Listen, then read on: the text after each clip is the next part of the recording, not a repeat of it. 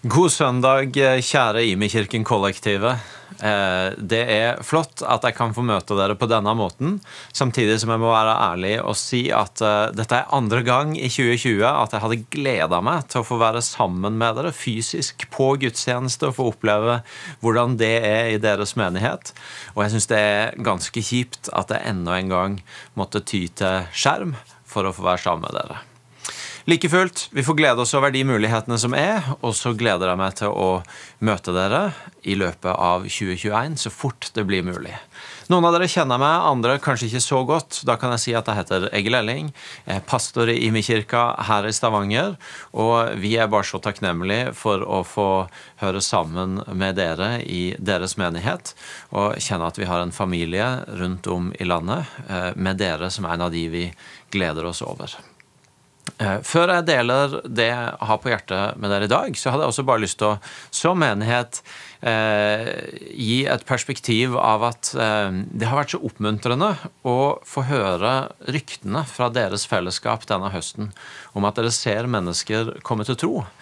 Og samtidig si at det har vi også fått høre fra andre hold i den siste tida. Det er andre av plantingen ut fra Imi-kirka som får ha mennesker med seg som enten har tatt imot Jesus, eller som er i bevegelse mot tro.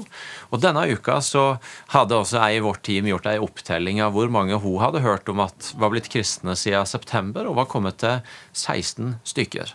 Vi drømmer selvfølgelig om mange flere, men jeg syns det er allikevel et oppmuntrende perspektiv i denne tida og gjennom denne annerledes høsten. Og Denne uka så fikk vi også rapport fra Thailand, hvor Impuls har vært på tur. Midt i restriksjoner og tiltak der òg, så fikk de til å gjennomføre et ungdomsarrangement med opp mot 100 mennesker.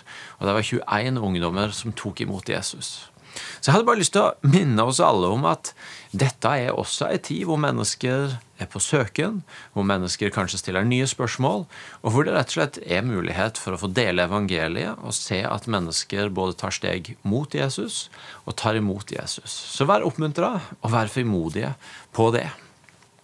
Og Det andre perspektivet jeg hadde lyst til å bare gi oss som, som menigheter i denne tida, er at jeg snakker med en del folk for tida som, som kjenner litt på kroppen nå at det har vært tungt å stenge ned igjen og kjenne at tiltakene som gjelder i pandemien, kommer tettere på kroppen, og at det er mer vil begrenses av.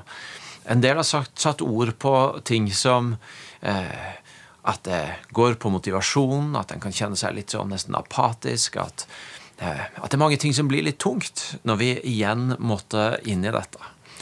Og så har jeg bare lyst til å minne oss om at jeg tror dette er en tid hvor eh, verden rundt oss trenger kirka mer enn noen gang. Og la oss derfor ikke miste av syne at det vi holder på med i kirka, det er viktig. Det betyr noe. Det er ikke likegyldig om de tinga vi har satt oss fore, blir eller ikke blir. Og om vi så må endre litt på hvordan vi gjør det, og på hvordan planene våre så ut, så la oss holde fast i at det vi er en del av, det er viktig. Det er viktig for oss og for vår tro. Og det er viktig for verden rundt oss og for eh, det at den får oppleve å ha kirker som er lys og salt i en verden som akkurat nå står i noen store utfordringer. Med det sagt så har jeg lyst til å, når jeg får være sammen med dere denne søndagen, å dele et fokus inn mot denne tida. Og eh, for å gjøre det, så må jeg begynne med å være litt personlig med dere. Fordi dette har vært noen annerledes uker, en annerledes måned eh, for min personlige del. Det er nå noen få uker siden jeg sto sammen med mine søstre og min mamma rundt senga til min pappa og så at han trakk sine siste pust i livet her på jorda. Og Det betyr at uh, i tida etterpå, med begravelse og alle sånne ting, så har det vært ei tid for sorg, ei tid for en god del tårer. Men det har også vært ei tid for takknemlighet. Det har vært ei tid for takknemlighet over at vi fikk være sammen, vi fikk være til stede. Vi fikk komme nær i det som var sorg. Det har vært ei tid for takknemlighet over himmelhåpet over at det er så annerledes å møte døden når en får ha det evige perspektivet. Men det har også vært ei tid for å være takknemlig for pappaen min. For den han var, for det livet han har levd, for det han har betydd for meg. Og til det siste så kunne jeg selvfølgelig, hvis jeg ville, snakka lenge til dere om hvem pappa var og hva han gjorde. Det er ikke fokus i dag, det skal dere få slippe. Men det er én ting jeg har lyst til å bare gripe fatt i som et innsteg til det som er mitt enkle fokus til dere i dag. Fordi mer enn noe annet, hvis jeg skal koke ned en sånn grunnmur i det jeg er takknemlig til min pappa for, så er det den erfaringen av å få ha en pappa som jeg bare har vært helt trygg på at han er glad i meg, og han er for meg. For meg så, i oppveksten så har jo det vært en selvfølge. Det har vært noe som har fulgt meg. Etter hvert som jeg har levd, så har jeg lært at det er ikke nødvendigvis en selvfølge. og Det er ikke alle som har den opplevelsen. Og det er noe som gir stor grunn til takknemlighet, og som jeg også mer og mer ser at har vært en bærebjelke i livet mitt, som har gitt meg trygghet til å møte mange av de tinga som livet har båret med seg. Og så er noe av det som er litt interessant med pappaen min, det er at eh, jeg sitter med den opplevelsen til tross for at han var ikke en mann som var spesielt god med sånne nære ord, sånne følelsesord. Jeg har ikke mange minner av at han faktisk sa til meg at han var glad i meg. Han har nok helt sikkert gjort det, men det var nok ikke så ofte, og jeg kan ikke helt huske det. Like fullt så kom han igjennom med hjertet sitt til meg. Han klarte å uttrykke en kjærlighet, om han nå ikke var så flink med orda på det. Han uttrykte det f.eks. gjennom blikket sitt. Som helt til det siste, når det var så lite igjen av han pga. demens og sykdom som gjorde at det var lite språk, det var, det var veldig mange ting som ikke blei uttrykt, men øynene hans, når vi kom, de uttrykte det de alltid har gjort, nemlig 'Dere er mine folk, og jeg er så glad for å se dere'. Det blei uttrykt gjennom sånne ting som en beige, gammel, litt rusten Mercedes som kom trillende opp eh, på fotballbanen fem minutter før kampen starta, og som var et uttrykk for en tilstedeværelse i mitt liv. Det blei uttrykt i sånne ting som eh, at han var, i tenåra særlig, en fantastisk samtalepartner, hvor vi kunne ha lange og ganske dype samtaler, eh, og hvor jeg fikk erfare at ingenting er feil å si, ingenting er ulovlig å si alt en tenker på, er lov til å legge på bordet, og så kjenner jeg at det blir tatt imot, og så kan vi snakke om det, også om vi er uenige om det. Og dette og andre ting gjorde at det ble bygd en trygghet i meg på at han er glad i meg, han er for meg. Og så har det vært litt fascinerende når pappa nå døde, og det har vært begravelse, det har vært minneord, det har kommet historier fram om hvem han var, så har jeg fått oppleve at der er en god del andre mennesker som sier noe av det samme om pappa. Mennesker som sier sånne ting som at eh, Det var ikke så ofte Egil sa det, men jeg, men jeg, skjønte at han brydde seg om meg. Jeg skjønte at han var glad i meg, eller jeg skjønte at han var for meg. Det var flere som hadde opplevd at om, om ikke orda var så lett å få til for pappa, så klarte han allikevel å få gjennom livet og få igjennom et hjerte. Og det har fått meg til å tenke på noe av det, dette med På den ene sida, hva er det som får lov til å stå igjen etter oss? At det er ting som, eh, som vi når, vi når, vi, lever konsistent i det over tid, så, så setter det merke fordi om vi ikke alltid lykkes i å gjøre det perfekt. Fordi om vi ikke alltid kommer ut på etter boka-måten, så, så uttrykkes allikevel hjertet vårt. Og det verset som jeg har lyst til å gi dere i dag, det står i Galaterne 6,9. Og det er et vers som gjennom denne tida av pandemi eh, i Imi-kirka vi har løfta opp flere ganger for å minne oss om, og for å hjelpe oss til å holde et fokus på. Der skriver nemlig Paulus La oss ikke bli trette mens vi gjør det gode. Når tida er inne, skal vi høste, bare vi ikke gir opp. La oss ikke bli trette mens vi gjør det gode, for når tida er inne, skal vi høste, bare vi ikke gir opp.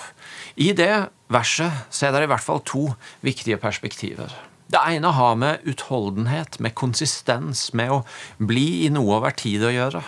La oss ikke bli trette av å gjøre det gode. La oss holde fast på en måte å leve på, en, en verdi, et, et, fokus i livet som er viktig for oss. La oss ikke bli trøtte av det. La oss ikke bare ha en sånn eh, inspirerte øyeblikk og en fase hvor det var kult, men, men la oss bli værende i det. La oss holde fast i det. Og så er jo den andre sida av det et løfte om at når vi er konsistente på noe, så, eh, så bærer det frukt over tid. Der står det at når tida er inne, så skal vi høste. Bare vi ikke gir opp. Når tida er inne, så skal vi høste, bare vi gir opp. Altså en sammenheng mellom en konsistens, en utholdenhet, en trofasthet på noe som skal få kjennetegne livet vårt. Godheten til andre mennesker, det velsigne andre. Og med det et løfte om at når vi er der, og når vi blir værende der, så vil vi over tid få se at det setter spor, at det gir frukt, at det gir et avtrykk i andre menneskers liv. Akkurat som jeg nettopp fortalte om med min pappa, som var ikke perfekt. Det er ikke sånn at jeg forteller hans historie for å idyllisere det og ikke få til å si det med ord. Men det er kanskje heller for å synliggjøre at selv om det ikke var helt perfekt, selv om det ikke var alt ved godhet han fikk til, så var det at en, en konsistens over tid, så kom allikevel et hjerte igjennom, og han fikk lov til å se frukter av det og betydning i andre menneskers liv. Eh, I IMI her i Stavanger denne høsten så har vi hatt fokus på Jesus. Det burde kanskje ikke være så overraskende når vi er en menighet, men eh, vi har vært opptatt av å særlig trekke det inn til sånne helt kjernen av, av, av evangeliet sine fortellinger om mennesker som møtte Jesus. Og det har vært for å sette fokus på Han som er vår hyrde, han som peker vei, han som er vårt kompass, om du vil, i ei tid hvor mye terrenget rundt oss er usikkert. Og her i IMI så er vi også opptatt av å si at enkelt sagt så kan vi, kan vi si at det var tre ting som, som kjennetegna Jesu liv. Det ene var orda han delte. Han, han, hadde en undervisning som hadde kraft og autoritet ved seg, som gjorde inntrykk på folk. Han var en som talte ut visdom og ord som var til liv og til betydning for mennesker. Det andre var de tegn og miraklene som fulgte livet hans.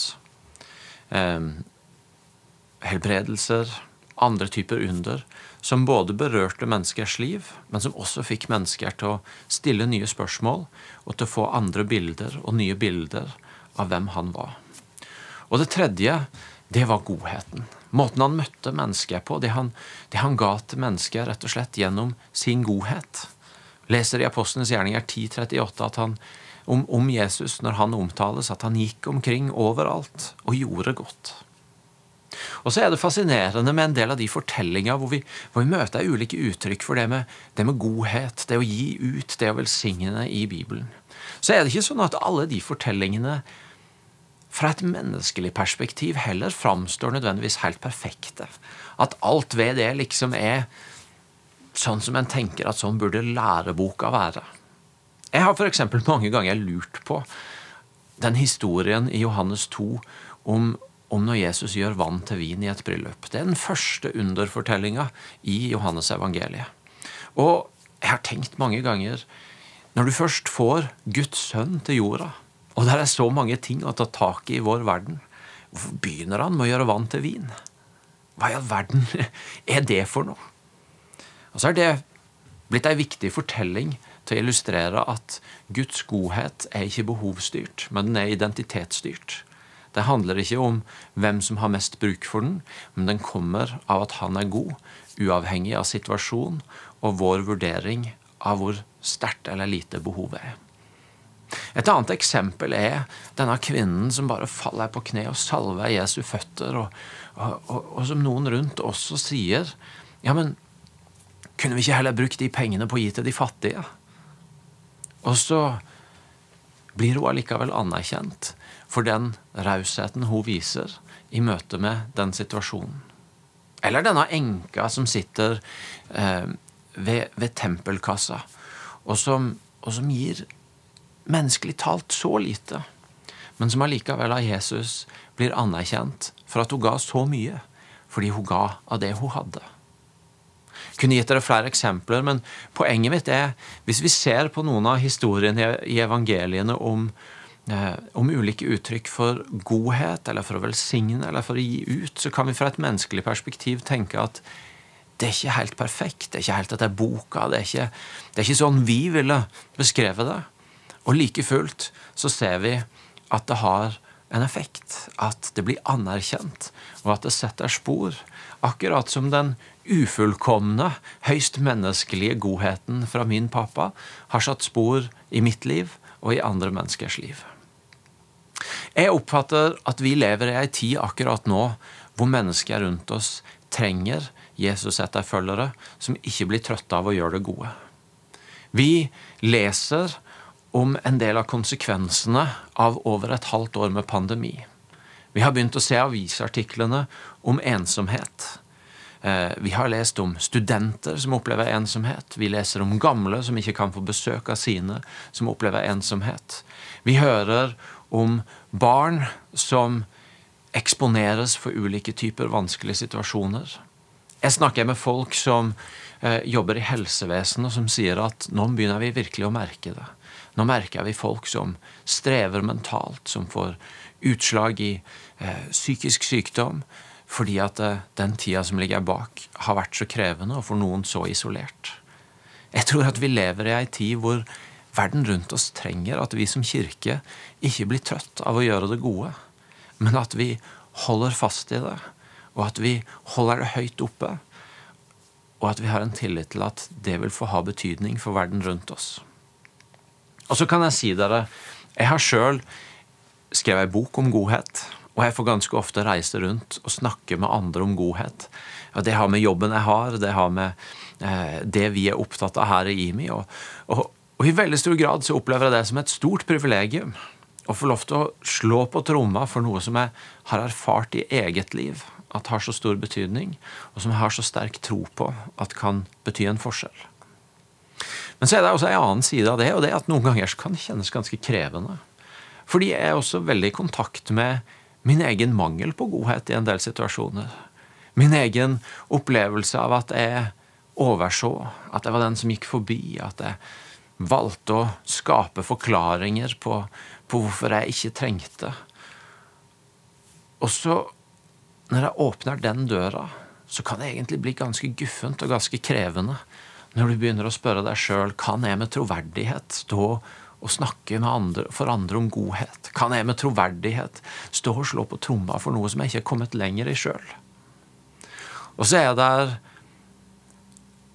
mot og trøst i en del av Bibelens fortellinger om en godhet som ikke er fullkommen. Der er håp i det jeg har fått se om sporet av pappas liv, satte. Uh, og der er masse mot og frimodighet i det verset jeg nettopp leste til dere fra Galaterne 6, om at hvis vi ikke blir trøtte, men holder fast i godheten, så er Guds løfte at det vil sette spor og bære frukt. Så jeg har et ønske for denne adventstida for oss som er Jesus-etterfølgere, for oss som er kirke, for oss som er i kirken, enten vi er det i Stavanger eller i Oslo. Og det er at vi ikke blir trøtte av å gjøre det gode, men at vi kanskje løfter det opp enda et knepp i denne tida, og ser etter enkle, små muligheter for å velsigne mennesker rundt oss, sånn at de kan oppleve at det er noen som ser, det er noen som gir verdi, det er noen som bryr seg i ei tid hvor vi trenger å motvirke isolasjon, ensomhet og de tinga som følger i kjølvannet av det. Så lykke til, og Gud velsigne dere med å holde fast i godheten og se mennesker berørt i adventstida 2020.